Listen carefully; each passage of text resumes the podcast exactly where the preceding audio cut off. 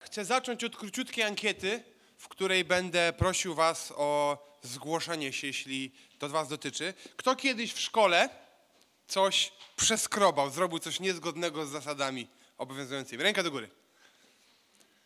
Dobra, widzę, że większość się zgłosiło, część albo nie zrozumiało pytania, albo oszukuje nas tutaj perfidnie. Okej. E, Nie chodzi o to, czy nas przyłapali, ale wszyscy coś tam poza tymi ramami zrobiliśmy. Dobra, to drugie pytanie. Kto kiedyś zrobił coś e, niezgodnego z zasadami, przeskrobał i e, został przyłapany, ale zróbmy próg wyżej i trafił do dyrekcji. Ręka do góry. Komu się zdarzyło kiedyś? No jest kilka osób, które się zgłosiło. Ja też się zgłaszam. Teraz z dumą podnosimy rękę, prawda? Wspominamy sobie te przygody. Ale to było, ale wtedy żeśmy tam podostrzyli. Ale przypomnijmy sobie to uczucie, gdy zawiniliśmy, może być w szkole, może być w domu, może być w, w pracy i nie macie nic na swoje usprawiedliwienie. Na początku, idąc jeszcze do pani dyrektor, do rodzica, do przełożonego, to jeszcze próbowaliście się szarpać, wytłumaczyć, uciec od po- odpowiedzialności. Był jakiś plan, żeby zrzucić. To, to nie my, to, to wszyscy dookoła. Jakoś przerzucić winę, ale ostatecznie się nie udało. I nie macie, nie mamy nic na swoje usprawiedliwienie. Pamiętam takie momenty. E, To nieprzyjemne uczucie. Ciężkie, oskarżające, czasami zawiedzone spojrzenie nauczyciela, rodzica, przełożonego. Po naszej stronie wstyd, bo złamaliśmy jakąś zasadę. Ewidentnie zrobiliśmy coś wbrew temu, czego od nas oczekiwano. O ile poważniej powinniśmy traktować listę naszych przewinień wobec doskonałego, świętego Stwórcy. Nie oszukiwać się, że nie zauważy, nie oszukiwać się, że przymknie oko, że jakoś się z tego wymigamy. Potrzebujemy usprawiedliwienia. Omawiamy dzisiaj, tak z lotu ptaka, list do Rzymian. List napisany przez Pawła. Prawdopodobnie jest wtedy podczas swojej trzeciej podróży misyjnej w Koryncie. Pisze do Rzymu, w którym jeszcze nie był, ale pisze pod koniec tego listu, że ma plany tam dotrzeć i rzeczywiście one się realizują prawie do końca. Dociera on tam, będąc w areszcie i pod koniec swojej służby służy im. I kontekstem tego, tego listu jest pewne napięcie pomiędzy y, poganami i Żydami, czy Żydami i Grekami, byśmy powiedzieli, e, w tamtejszym kościele. Dobra nowina o Jezusie Chrystusie trafia do różnych grup i pojawiają się pewne pytania, nieścisłości, niejasności. I Paweł nie skupia się tutaj na problemach, ale poświęca cały, czy prawie że cały swój czas na wyjaśnienie dobrej nowiny Ewangelii. List do Rzymian, jeśli z czegoś kojarzymy, to pewnie kojarzymy z tego, że jest długi e, i z pewnym przerażeniem myślimy sobie dzisiaj o czytaniu go w całości razem, albo właśnie z tego, że on opisuje Ewangelię. Więc otwórzmy ją sobie na początku. W pierwszych wersach mamy przywitanie, przedstawienie Pawła i też wyraz modlitwy, którą ma za, e, e, za Rzymian, do których pisze. I trafiamy do wersetu 16 i 17, które są kluczowe, można powiedzieć, nadają ton czy temat tej księdze. Paweł pisze: Nie wstydzę się bowiem dobrej nowiny. Jest w niej moc Boża dla zbawienia każdego, kto wierzy, najpierw Żyda, potem Greka. Objawia ona sprawiedliwość Boga pochodzącą z wiary i prowadzącą do wiary, zgodnie ze słowami sprawiedliwy z wiary żyć będzie. Paweł mówi, że się nie wstydzi dobrej nowiny, nie dlatego, że jego życie opływa w dostatek, nie dlatego, że ono jest wyrazem jakiegoś ziemskiego sukcesu, ale dlatego, że w tej dobrej nowinie, w niej jest moc Boża do zbawienia każdego, każdego, kto wierzy. I Żyda, i Greka. Historycznie najpierw Żyda, potem Greka, poganina, czyli nie Żyda, ale tak samo dla wszystkich. I w tej dobrej nowinie objawia się, wyraża się sprawiedliwość Boga pochodząca z wiary. Bóg jest doskonały, święty, sprawiedliwy i okazuje się, że treścią tej dobrej nowiny jest to, że ja mogę być sprawiedliwy. Tak naprawdę sprawiedliwy. Żyjąc wiarą. Od początku do końca wiarą. Tylko wiarą. I Paweł potwierdza to słowami ze Starego Testamentu. Mówi, to nie jest nic nowego. Wskazuje na słowa Habakuka, który mówi, sprawiedliwy z wiary żyć będzie. Podobno reformator e, Marcin Luther, niemiecki mnich, doktor teologii, zmagał się z tymi słowami właśnie. Czy mogę o sobie w ogóle powiedzieć, że ja jestem sprawiedliwy? Luther rozumiał słowo sprawiedliwy czy usprawiedliwiony y, to, to ta definicja, która była wtedy najbardziej popularna, brzmiała, to taki, który zdobył, taki, który uzyskał usprawiedliwienie. W jego głowie działo się to przez religijne życie, przez spowiedź, może przyjmowanie Eucharystii, poprzez moc Kościoła. O tą sprawiedliwość, o której on myślał, trzeba zabiegać. Nie da się jej uchwycić. Czy można powiedzieć o sobie, że jest się sprawiedliwym? O tym właśnie pisze Paweł. O byciu sprawiedliwym, usprawiedliwionym. Pisze też o sprawiedliwości Boga w Jego osądzie, w Jego planie, o naszym statusie przed, przed Stwórcą. I czytamy dzisiaj razem, tak naprawdę omawiamy z lotu ptaka, zachęcam do lektury w tygodniu, potężną rozprawę teologiczną. Niektórzy się z nas boją, bo wolimy przygody, historię, fabułę. Inni siedzą i mówią, jest w końcu list do Rzymian. Niezależnie od tego, jakie są nasze preferencje, to musimy dzisiaj, wszyscy tak jak tu jesteśmy, podejść do tego tekstu nie jako do jakiejś paczki wiedzy, którą wyniesiemy, ale musimy uczciwie spojrzeć na swoje życie. Wejrzeć w swoje wnętrze, przeżyć swoje myśli, zastanowić się nad tym, w co naprawdę wierzymy. Jak widzimy swój status przed Bogiem, jak postrzegamy Jego spojrzenie na nas i dlaczego tak to widzimy. Musimy nasze życie uczciwie skonfrontować z dobrą nowiną. Jeden pastor powiedział kiedyś takie zdanie, które zapadło mi mocno w pamięć. Powiedział, że on nie potrafi dokładnie podać momentu swojego nawrócenia. Dokładnie pokazać tej jednej rzeczy, jednej myśli, która pojawiła się w momencie, kiedy odwrócił się od swojego starego życia i poszedł za Bogiem. Nie potrafi. Ale widzi właśnie list do Rzymian jako opis tego, co się stało w nim. Ja się z tym utożsamiam. Nie mam ekscytującej historii nawrócenia, tak jak niektórzy, którzy, których Bóg wyciągnął czasami naprawdę z wielkiego dna. Ja czasem trochę zazdrościłem.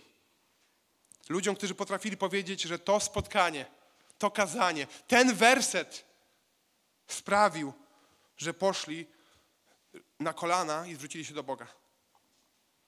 Zawsze szukałem odpowiednich słów, odpowiednio głębokich, dosadnych, które opiszą to, co się stało. To, co się stało nie na przestrzeni momentu, może dni, miesięcy, może nawet lat. I ten list jest właśnie czymś, do czego mogę się odnieść. Więc spojrzymy dzisiaj na to, czy ten opis Ewangelii pokrywa się z tym, w co wierzymy. I zadamy sobie trzy pytania, tak jak widzimy tu na slajdzie, dzieląc sobie tą księgę na trzy części. Od razu zapowiadam, pierwsze osiem rozdziałów jest najdłuższe. Jak mogę stać się sprawiedliwym? I po wersecie 17 w pierwszym rozdziale Gdybyśmy czytali dalej, widzimy, że Paweł wskazuje, że ludzie, którzy odrzucają Boga, sami na siebie ściągają gniew, sami na siebie ściągają konsekwencje. Mówi o tym, że Bóg jest widzialny chociażby w naturze. I odrzucenie Stwórcy to jest tak naprawdę życiem w wyparciu.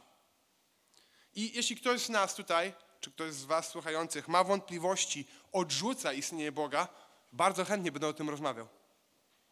Ale musisz wiedzieć, że my wychodzimy z założenia, które pokrywa się z tym, co widzimy dookoła w ludzkości na przestrzeni dziejów, że ludzie nie rodzą się ateistami, nie rodzimy się ateistami, że odrzucenie Boga, wyparcie, to wyparcie tego, co naturalne, co instynktowne, tego, co jest obserwowalne w tym, jak złożone i wspaniałe jest stworzenie. Odrzucenie Boga to życie w wyparciu, ale przede wszystkim Paweł wskazuje, że odrzucenie Boga to życie w oparciu o własne żądze, własne pragnienia, własne ambicje, własne instynkty, życie w oparciu o to, co mi się chce, skupione na mnie, życie sprzeczne z tym, jaki On ma zamiar dla mojego życia. Paweł mówi, że ludzie, którzy nie mają dostępu do słowa, mają dostęp do swojego sumienia i to sumienie ich oskarża. To pragnienie sprawiedliwości w ich wnętrzu jest i mają szansę dostrzec, że ich życie się nie pokrywa z tym, jak powinno ono wyglądać. Ale to odrzucenie Boga i ściągnięcie na siebie sądu to nie dotyczy tylko niereligijnych pogan, ale to dotyczy też religijnych Żydów. Paweł atakuje ich, konfrontuje ich dosyć mocno i mówi, że liczycie na to, że sam fakt tego, że posiadacie prawo Boga was uratuje. Mówi, że mówi do nich czujecie się lepsi od tych, którzy nie mają tego słowa, bo możecie im wskazać, jak mają żyć, ale wy sami tak nie żyjecie. Liczycie, że obrzezanie albo jakiś rytuał was uratuje. Udział w obrządku was zbawi. Paweł mówi, że obrządek, że obrzezanie nie ma żadnego znaczenia, jeśli tak naprawdę jesteście nieposłuszni. A jeśli ktoś jest posłuszny, to ten obrządek też nic nie dodaje. Paweł stawia wszystkich na równi i mówi, że wszyscy mają ten sam problem. W trzecim rozdziale, w dziewiątym i dziesiątym wersecie czytamy. Jaki z tego wniosek? Czy jesteśmy, mówi my w kontekście Izraela, który miał słowo, w korzystniejszej sytuacji? Wcale nie. Dowiedliśmy już przecież winy i Żydów, i Greków. Na wszystkich ciąży grzech. Zgodnie ze słowami nie ma sprawiedliwego ani jednego. Nie ma znaczenia pochodzenie, status społeczny, narodowość czy przynależność. Więc pierwsza myśl, jaką sobie zapisujemy na slajdach, a y, chętni również w zeszytach, wszyscy potrzebują usprawiedliwienia, bo wszyscy grzeszą. Paweł nie mówi, że wszyscy poganie potrzebują usprawiedliwienia, albo wszyscy Żydzi, albo wszyscy oprócz nas, apostołów, albo wszyscy, którzy zrobili coś naprawdę złego. Nawet Paweł nie mówi, to może być szokujące, wszyscy poza KNS-em potrzebują usprawiedliwienia. Wszyscy zgrzeszyli, wszyscy potrzebują usprawiedliwienia za swój grzech. I potem zderza czytelników z rzeczywistością, z którą myślę, że nasze serce będzie walczyć instynktownie. My czytamy w Rzymian 3:20, stąd dzięki czynom nakazanym przez prawo nikt nie dostąpi przed nim usprawiedliwienia. Prawo zapewnia po prostu właściwe poznanie grzechu. Okej, okay, jestem grzeszny, ale, ale czy aż dale, tak daleko? Drugi, drugi e, punkt, który sobie możemy zapisać, brzmi: nikt nie zostanie usprawiedliwiony ze względu na swoje czyny. Nie ma jakiejś rzeczy, którą mogę zrobić, żeby usprawiedliwienie uzyskać. Są osoby religijne, które w tym zewnętrznym, zorganizowanym obrządku, one widzą tam swoją szansę na ratunek. W przestrzeganiu tych zasad czy innych zasad liczą na to, że będą usprawiedliwione. Ja dlatego nie lubię za bardzo, jak ktoś określa mnie osobą bardzo religijną, a to się zdarza, bo to, na czym opiera się nasza nadzieja, to nie jest religia. Ale z drugiej strony są też, tak nazwijmy je sobie, religijne osoby niereligijne które odrzucają może zorganizowaną religię, ale de facto robią to samo. Bo co ich usprawiedliwia? Ich własna, zmienna, subiektywna, elastyczna religia. Ich zasady, które sobie ustawią, zapożyczą to stąd, to stamtąd i one ich uratują. Nikt nie zostanie usprawiedliwiony ze względu na swoje czyny. I myślę, że to nas trochę boli. Jak to nie mogę nic zrobić? Przecież ja tak bardzo, bardzo, bardzo chcę coś zrobić, żeby zostać usprawiedliwionym przed Bogiem. Ja tak bardzo chcę odpracować, zasłużyć, zapracować. Jak nieprzyjemne są sytuacje, w których zawinimy, popsujemy coś, skrzywdzimy kogoś i po prostu nie możemy tego nijak odratować. Jak nieprzyjemne jest to, gdy nie możemy zła, które dokonaliśmy, nijak odwrócić. Gdy nasze przeprosiny, to, to będzie zawsze za mało. Gdy skrzywdziliśmy kogoś i czujemy ten ciężar i nie da się zrobić z tym nic. Wobec Boga powinniśmy czuć ogromny ciężar naszych win. Tych, które widzimy, jak, tych, jak i tych ukrytych. Win zrobienia czegoś złego, ale też nie zrobienia czegoś dobrego. Win w działaniu, w myśleniu, w traktowaniu tego, co mamy, albo innych, niezgodnie z Jego świętym charakterem.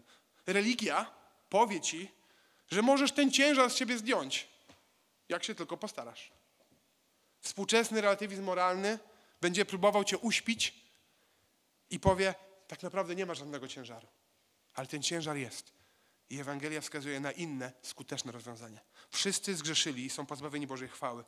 Usprawiedliwienia natomiast otrzymują w darze z Jego łaski dzięki temu, że Jezus Chrystus dokonał odkupienia. To Jego Bóg ustanowił przebłaganiem, z którego skorzystać można przez wiarę. Jest ono to przebłaganie w Jego krwi. W ten sposób Bóg okazuje swoją sprawiedliwość. Wyraża się ona w nieuwzględnianiu grzechów popełnionych wcześniej, w okresie powściągliwości Boga. Wyraża się ona też teraz, aby stało się jasne, że tylko On jest sprawiedliwy i usprawiedliwieniem darzy tego, kto zawierzył Jezusowi. Usprawiedliwienie jest tylko w Chrystusie. Tak Bóg to zaplanował, tak to ustanowił, tak to poukładał. Bóg, czytamy, okazuje swoją sprawiedliwość. On nie przymyka oka na grzech. On uwzględnia cały grzech. On nie potępia niektórych grzeszników, ale każdy zasługuje na sprawiedliwą karę. I jego sprawiedliwy gniew spada na tego, który idzie umrzeć w nasze miejsce. spada na Jezusa, który na siebie przyjmuje tę karę. Bóg pozostaje sprawiedliwy i święty, przyjmując do siebie tych, którzy są bez grzechu, którzy są święci, którzy są usprawiedliwieni. I chcąc nas ratować, posyła swojego Syna w nasze miejsce. Czytamy w Rzymian 5:8. Bóg natomiast daje dowód swojej miłości do nas przez to, że gdy jeszcze byliśmy grzesznikami, Chrystus za nas umarł. Tylko w Chrystusie. Nie w Chrystusie i w jakiejś organizacji, nie w Chrystusie i w dodatkowych pośrednikach czy świętych, nie w Chrystusie i jakimś obrządku. Zawsze, gdy dodaję i, wychodzę poza Boży plan zbawienia. Słowo tylko przestaje mieć znaczenie, kiedy dodaję i. Tylko w Chrystusie. I dalej Paweł odnosi się do przykładu Abrahama, z którego wynika kolejna myśl, którą sobie zapiszemy.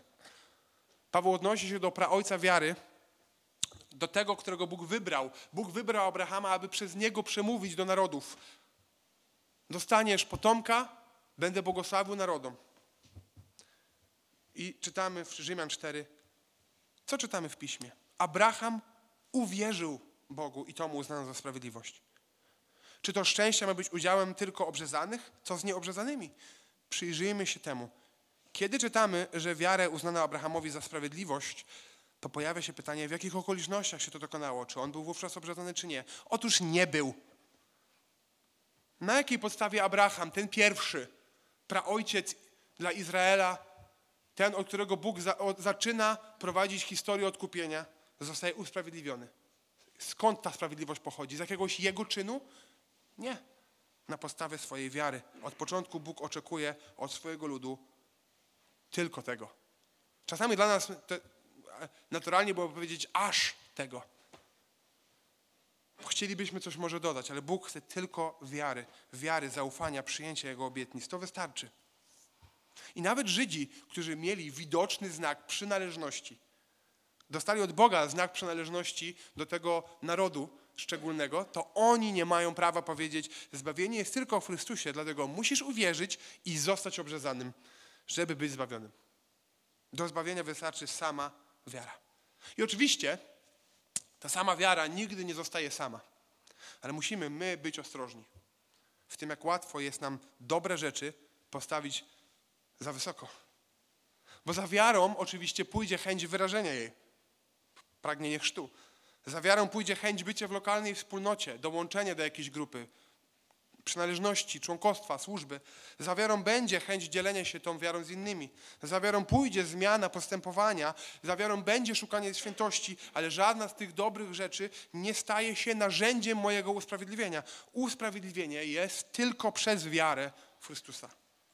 I tu nawet nie chodzi o to, że Paweł wskazuje na to, że oni muszą mieć większą wiarę, wystarczająco dużą wiarę. O, no ty to jesteś taki bardzo wierzący. Ja to jeszcze nie aż tak wierzący. Kiedyś może będę tak wierzący jak ty. Czasami ludzie mówią. Ja absolutnie nie czuję się mocno wierzący. Na tyle, na ile potrafię, wierzę. Ale mocny, pewny, silny jest ten, w którego wierzę. Jeśli mam ogromną wiarę, żeby przejść przez przepaść, która jest przede mną, Mam ogromną wiarę w rozklekotany, rozsypujący się most drewniano-linowy, który gnije. To czy ta mocna wiara uratuje mnie przed upadkiem? A jeśli mam małą wiarę, ale wchodzę na pewną drogę, którą wyznacza Bóg, to ona jest skuteczna. Nie ma znaczenia to, jak bardzo wierzę, cokolwiek to znaczy. Znaczenie ma to, komu zaufałem. I ponieważ to kwestia wiary, tylko wiary, tylko wiary w Jezusa. To Paweł dalej wskazuje na to, że nie ma lepszych i gorszych. I dla nich wtedy to była kwestia obrzezania, przynależności do jakiejś grupy, do etnicznego Izraela lub brak. Dla nas dzisiaj to mogą być różne rzeczy. To może być pochodzenie z rodziny wierzącej, niewierzącej, obdarowania, które mamy, przeszłość, która na nas ciąży bardziej lub mniej, nasza własna duchowa wrażliwość, u których naturalnie większa, u innych mniejsza forma naszej codziennej duchowości. Ale wszyscy, którzy rozumieją swój stan duchowy i to, że nie uratują się sami, zwracają się do Jezusa i wiedzą, że mogą Bogu dać od siebie tylko wiarę. Są dziećmi Boga. Są tak samo potomkami Abrahama. Są tak samo częścią Bożego ludu. Usprawiedliwienie zatem, usprawiedliwieni zatem na podstawie wiary mamy pokój z Bogiem. Stało się to dzięki naszemu Panu Jezusowi Chrystusowi. Przez Niego uzyskaliśmy dostęp za sprawą wiary do tej łaski, w której niewzruszenie stoimy i chlubimy się nadzieją chwały Boga. Wracając do Lutra, którego wcześniej wspomniałem, trafnie on widział stan ludzkiego serca. Widział, że stoi przed Bogiem niegodny. I informacja o tym, że sam to jakoś odpracuje, nie pokrywała mu się z tym, jak ogromna jest ta przestrzeń, jak ogromne ma braki, jak długa jest ta lista win.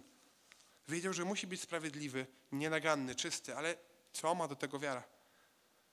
I zdaje się, że zrozumienie przyszło, gdy spojrzał, co to słowo znaczy. Co to znaczy być usprawiedliwionym z wiary. Ono nie oznacza zdobycia, uzyskania sprawiedliwości. Bo jeśli tak jest, to trzeba zakazać rękawy i wziąć się do roboty. To słowo oznacza bycie uznanym za sprawiedliwego.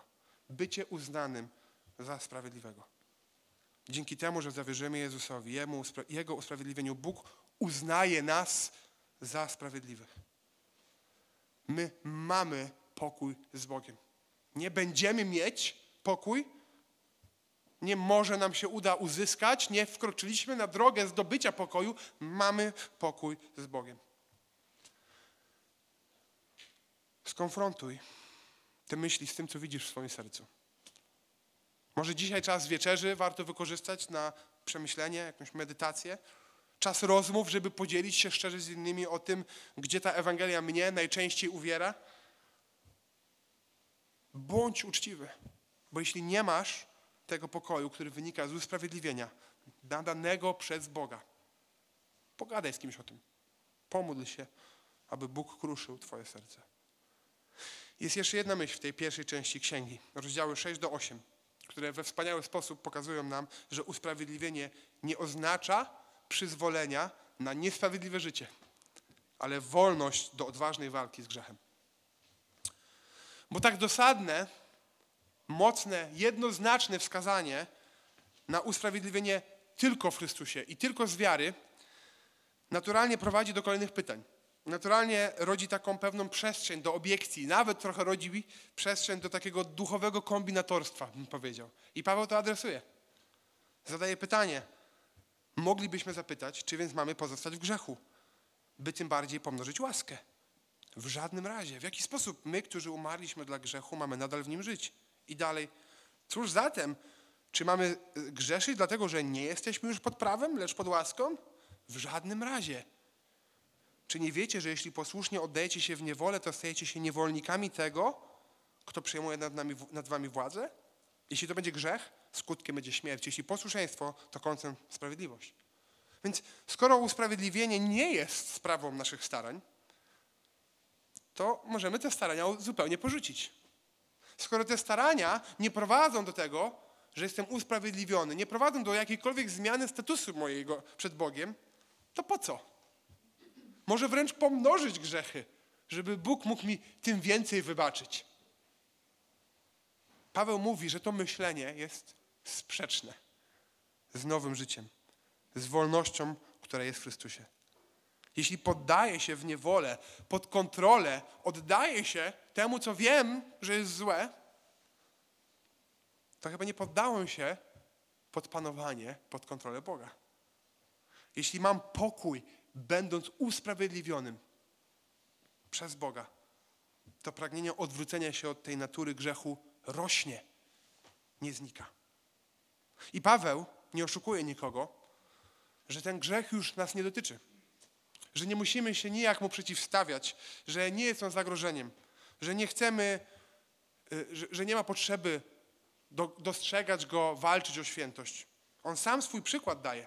I w siódmym rozdziale wskazuje na to, że on pomimo tego, że ma nowe pragnienia, ma zmienione serce, to widzi, że jego zewnętrzne, zepsute ciało ciągnie go do rzeczy, które, których nie chce, które mu się nie podobają. On nie oszukuje nas i nie mówi, już jest koniec, od tak. On mówi, że to jest zmaganie. I kończy ten rozdział siódmy słowami: Nędzny ja człowiek, kto mnie wybawi z tego ciała śmierci. Bogu niech będą dzięki przez Jezusa Chrystusa, naszego Pana. Tak więc ja sam służę umysłem prawu Boga ale ciałem prawu grzechu. Nędzny ja. Moje serce, mój umysł, moje wnętrze pragnie tego, co pochodzi od Boga. On z łaski dał mi nowe myślenie, nowe pragnienia, dał mi nową tożsamość, ale moje ciało wciąż mnie ciągnie w drugą stronę. Pytanie, czy my dostrzegamy w sobie to napięcie? Zmaganie tych dwóch pragnień. Ograniczenie tym skażeniem, które dotknęło całego stworzenia, a więc i też naszych ciał, nas.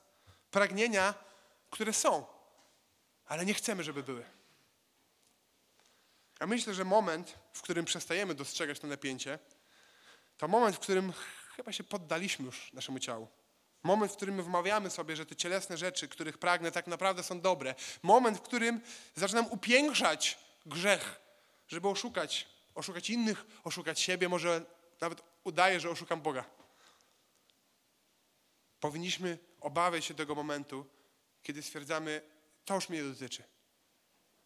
Chyba bardziej boimy się przyznać do grzechu. Nawet jak już się przyznajemy, to próbujemy jakoś je usprawiedliwiać. Może w okolicznościach jest wina, w innych, nie w nas. Boimy się, że ktoś nas przyłapie na czymś złym. Tego się boimy. Dostrzeże jakiś błąd, jakiś upadek. Boimy się, że ktoś zmieni o nas zdanie. Boimy się, że ktoś inaczej nas będzie postrzegać. Ale powinniśmy się bać tego, gdy grzech przestajemy nazywać grzechem. Paweł mówi, że jesteśmy uwolnieni do tego, aby walczyć. To, nie, to jest zmaganie. I kolejny rozdział, ostatni w tej pierwszej części księgi, jest ogromnym pocieszeniem. Myślę, że można śmiało powiedzieć, że jest to jeden z najważniejszych rozdziałów Pisma Świętego. Jak ktoś nie ma w tym tygodniu czasu czytać całego Rzymian, to chociaż ósmy rozdział niech przeczyta. Ten rozdział przypomina nam, że ta walka z ciałem, która jest jest ważna, ona nie jest najważniejsza. Że nasze myślenie nie powinno być zdominowane przez to, nasze rozmowy nie powinny być zdominowane, nasze życie nie powinno być zdominowane tym, jak zmagamy się z tymi rzeczami, których nie chcemy, które są złe. To zmaganie, w którym żyjemy tutaj, póki jesteśmy, ono nie definiuje naszego życia, ono nie definiuje tego, kim jesteśmy. Sukcesy i porażki na tej płaszczyźnie, one nie zmieniają naszego statusu przed Bogiem. Ósmy rozdział, przeczytamy tylko dwa pierwsze i dwa ostatnie wersety. Teraz zatem nie ma żadnego potępienia dla tych, którzy są w Chrystusie Jezusie. Bo prawo ducha właściwe dla życia w Chrystusie uwolniło cię od prawa grzechu i śmierci. I kończę Paweł słowami: Jestem tego pewien, że ani śmierć, ani życie, ani aniołowie, ani potęgi niebieskie, ani teraźniejszość, ani przyszłość, ani moc, ani wysokość, ani głębokość, ani żadne inne stworzenie nie zdoła nas odłączyć od miłości Bożej, która jest w Chrystusie Jezusie, naszym Panu. Jesteśmy uwolnieni do tego, aby prowadzić nowe życie. Jesteśmy uwolnieni do tego, aby przestać szukać, zabiegać, próbować uchwycić usprawiedliwienie, którego nie jesteśmy w stanie nijak uchwycić. On dokonał wszystkiego, co było potrzebne. My nie byliśmy w stanie. On daje pokój. On wypycha nas do działania i On daje pewność, że nic nas nie może oddzielić od tej miłości, bo ona nie jest czymś, co złapaliśmy i nam może wypaść. To On złapał nas. Spójrzmy sobie na te pięć myśli, punktów. Czy to jest dla mnie tylko teologiczna teoria? Puste słowa, które tak naprawdę no niewiele znaczą. No, niedziela swoja, ale codzienność swoje. Może nawet w teorii się z tym zgodzę. Tak, jest tak. Ale tak naprawdę moje serce, moje myśli mówią coś innego. Jaki mam status przed Bogiem? Czy mam prawo nazywać się Jego dzieckiem, potomkiem Abrahama, częścią Jego ludu? Na jakiej podstawie mam do tego prawo? Stojąc przed Bożym Sądem, czy będę mógł powiedzieć, jestem sprawiedliwy? Jeśli tak, to jak to uzasadnię? Co dam jako podstawę, jako dowód?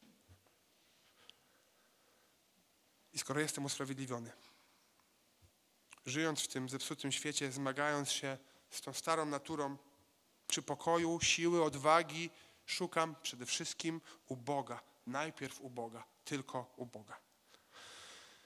Druga część tej księgi, rozdziały 9 i 11, to pytanie, które sobie, czy ten, to, to część, którą zatytułowałem sobie pytaniem, czy Bóg jest sprawiedliwy. Ona jest równie teologiczna, albo nawet powiedziałbym jeszcze bardziej niż ta pierwsza. w tych rozdziałach Paweł niejako może staje w obronie Boga albo próbuje coś wyjaśnić swoim czytelnikom. Chce przedstawić po prostu, jak sprawy się mają. I myślę, że wciąż dla pierwotnych odbiorców i dla nas dzisiaj pozostaje trochę pytań. Myślę, że nawet na końcu tego kazania pozostanie dużo pytań. Wtedy trzeba wykorzystać czas rozmów po, żeby je zgłębiać. Ale pytanie o to, no okej, okay, taki był plan, ale no co teraz z tym etnicznym Izraelem? Co z tymi wszystkimi poprzednimi obietnicami? Czy ta droga teraz do usprawiedliwienia, której, o której Paweł mówi w Chrystusie, to jest jakaś nowość, więc zmiana, a więc może w przyszłości będzie znowu jakaś zmiana? Pytanie też o nas, o to, co z tymi wszystkimi dookoła, którzy tej wiary nie mają. Nie chodzi o to, że ich wiara jest za mała, ale nie mają. Co z ludźmi dookoła, z rodakami, z rodziną, z bliskimi, którzy zbawienie z łaski przez wiarę odrzucają. Paweł zaczyna tą część, pisze ją tak od serca. Pisze, odczuwam ogromny smutek i nieustający ból w moim sercu, bo sam byłbym gotów zostać odłączony od Chrystusa, jeśli to miało, jeśli by to miało pomóc moim braciom, moim krewnym według ciała, Izraelitom. Więc pomimo tego, że my czytamy duże, szerokie, głębokie sprawy o naturze Bożego planu, Paweł opowiada o tym, dlatego że są w nim pewne emocje tu i teraz do ludzi, których widzi. Te prawdy teologiczne tego ogromnego, szerokiego Bożego planu nie są czymś, co sprawiają, że Paweł jest obdarty z tych emocji. One pomagają mu sobie je poukładać, ale wciąż pojawiają się w, tym, w tych rozdziałach jego myśli a propos myśl, misji. Modli się o to, aby jego rodacy, jego bliscy, ludzie, którzy tak blisko byli i odrzucają Chrystusa, aby się nawrócili. Ale też pomaga poukładać, jak to wygląda ze strony Boga. Czy Bóg jest sprawiedliwy? I tu mamy trzy myśli, które sobie zapiszemy. Po pierwsze, Bóg nie porzucił swojego ludu. Czytamy w dziewiątym rozdziale. Słowa Boga, słowo Boga jednak, jednak, bo on mówi Izrael odrzucił, nie cały, ale nie cały też przyjął Chrystusa, Mówi, słowo Boga jednak nie zawiodło, dlatego że przecież nie wszyscy, którzy pochodzą z Izraela, są Izraelem. Nie wszyscy też są dziećmi Abrahama tylko dlatego, że są jego potomkami. Jest inaczej. Twoim potomstwem będą nazwani potomkowie Izaaka. Słowo Boga, Paweł mówi, nie zawiodło. Nie zawiódł Bóg, on nie porzucił swojego ludu. Niewierność rodowitych Izraelitów nie oznacza, że coś się zmieniło w tym Bożym planie. Te szczere emocje Paweł widzi, ale on wie, że ta narodowość nie była gwarantem dla nich zbawienia, gwarantem ratunku. I to, że część Izraelitów odwraca się od Boga, to nie oznacza, że on łamie jakąś obietnicę. Dlatego, że Izrael jako naród był zapowiedzią prawdziwego Bożego ludu. I od początku to nie obrządek i nie narodowość są drogą do zbawienia. Bóg nie porzucił Izraelitów. Ale w jego planie od zawsze były narody, a nie naród. W 11 rozdziale Paweł mówi, czy Bóg odtrącił swój lud? W żadnym razie. Przecież ja jestem Izraelitą z potomstwa Abrahama, z plemienia Benjamina. Pytam zatem, czy potknęli się, aby zupełnie upaść? W żadnym razie. Ich upadek przyniósł zbawienie narodom, co z kolei miało pobudzić jego lud do zazdrości. Jeśli zaś ich upadek stał się bogactwem świata, a ich porażka bogactwem narodów, to jakże wspaniałą rzeczą stanie się ich pełnia. Jak wspaniale by było, gdyby oni zwrócili się do Boga. Bóg nie odtrącił swojego ludu, bo w Jego planie od zawsze były narody. Pomimo emocji Paweł widzi ten problem, ale nie oskarża Boga, bo to oni go odrzucili. On pragnie ich ratunku i podkreśla, że Bóg nadal ma dla nich plan. Ale Bóg nie porzucił swojego ludu od początku.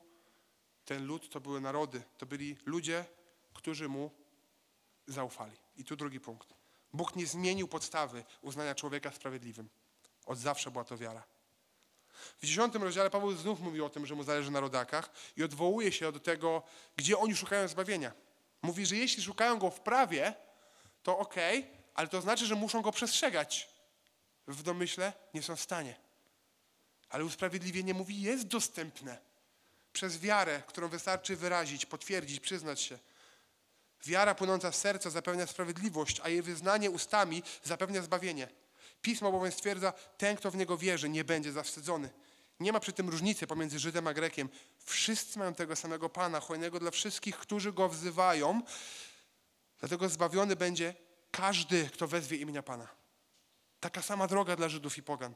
Taka sama droga do zbawienia od zawsze.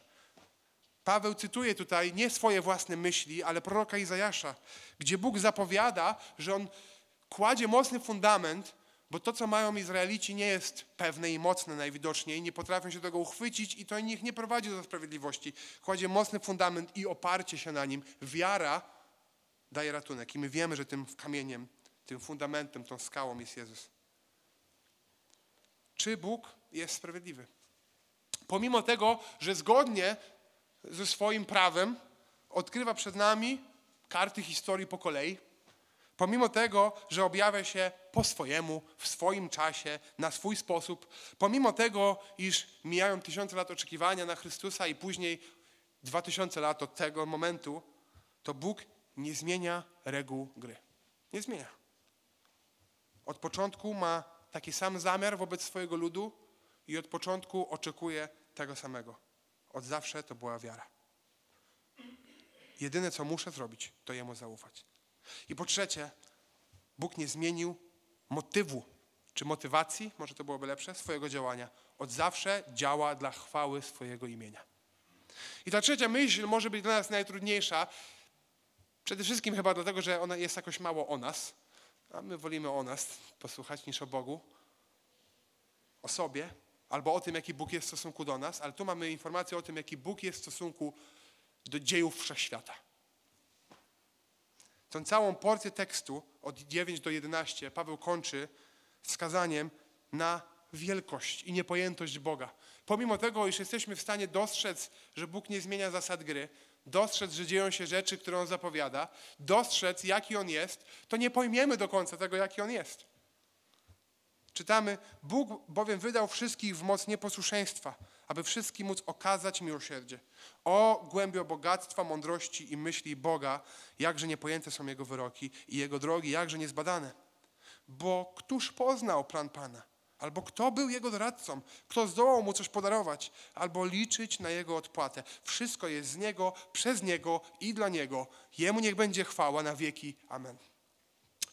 Paweł w pierwszym zdaniu przypomina jeszcze raz swoim czytelnikom, cały Boży lud jest uratowany spod mocy nieposłuszeństwa. Wszyscy odrzucili Boga. Wszystkich On wydał na pastwę ich własnych rząd. I każdy, kto uwierzy, zostaje usprawiedliwiony nie bo coś zrobił, tylko z łaski. I potem cytuje Paweł Izajasza, Jeremiasza i Joba, żeby podkreślić to, że Bóg jest Bogiem. Niezbadane są Jego wyroki. On robi, co chce. On robi to, jak chce. My nie jesteśmy w stanie ostatecznie pojąć Jego planu. Jeśli nam się to nie podoba, trudno, ale to jest Bóg. Bóg robi co chce. Nie jesteśmy w stanie Go pojąć, ale, ale wiemy, że On nie działa przypadkowo. On działa dla chwały swojego imienia. Prowadzi bieg historii, losy świata, zapowiedzi prowadzące do kulminacyjnego punktu historii który dzieje się na krzyżu dla chwały swojego imienia. Widzimy to chociażby w dziewiątym rozdziale, gdzie wcześniej właśnie Paweł cytuje Stary Testament, aby wskazać na to, że Bóg tak działa. Mówi do Faraona, właśnie po to Cię ustanowiłem, by na Tobie okazać swą moc i by po całej ziemi rozeszła się sława mojego imienia.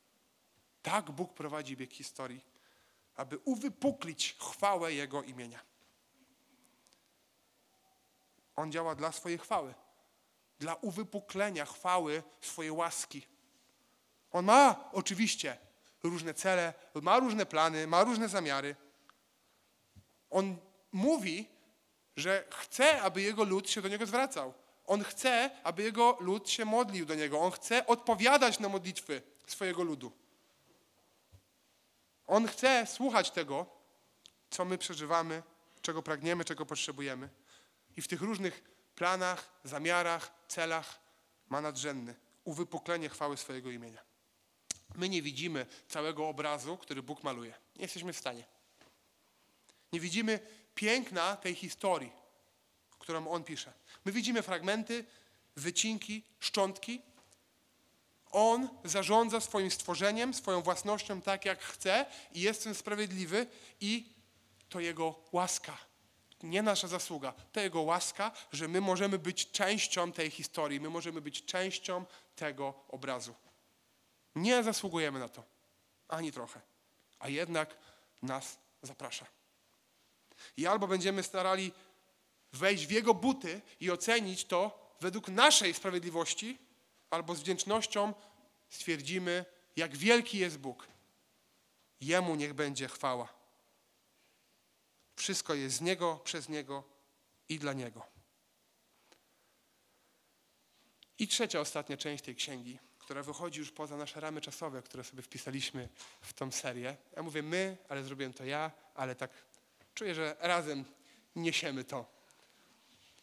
To część praktyczna, na którą pewnie wszyscy z utęsknieniem czekali, ale nie mamy już czasu, więc musimy lądować. Znów niestety potraktujemy ją bardzo z lotu ptaka, powierzchownie może trochę, e, ale warto wskazać, że ona jest. Warto wskazać, że Paweł odpowiada na to pytanie, jak żyć, będąc usprawiedliwionym, będąc włączonym do Bożego ludu. Praktyka życia chrześcijańskiego, konkretne jakieś porady. Paweł zaczyna e, w 12 rozdział dosyć znanych, dosyć znanych, bardzo ważnych słów, Mówi, zachęcam was zatem bracia, ze względu na miłosierdzie Boże, abyście oddali swoje ciała na ofiarę żywą, świętą, miłą Bogu, jako wyraz waszej rozumnej, wypływającej z głębi ducha służby.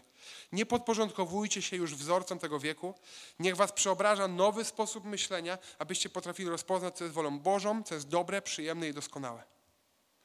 Paweł mówi, nie podporządkowujcie się wzorcom tego wieku. Nie zwracajcie się do tego, co jest proste, powszechne, popularne. Nie trzymajcie się tego, co już akurat znacie. Nie trzymajcie się tego, w czym byliście wychowani. Niech was przeobraża nowy sposób myślenia, nowa natura, niech będzie tym, co was prowadzi.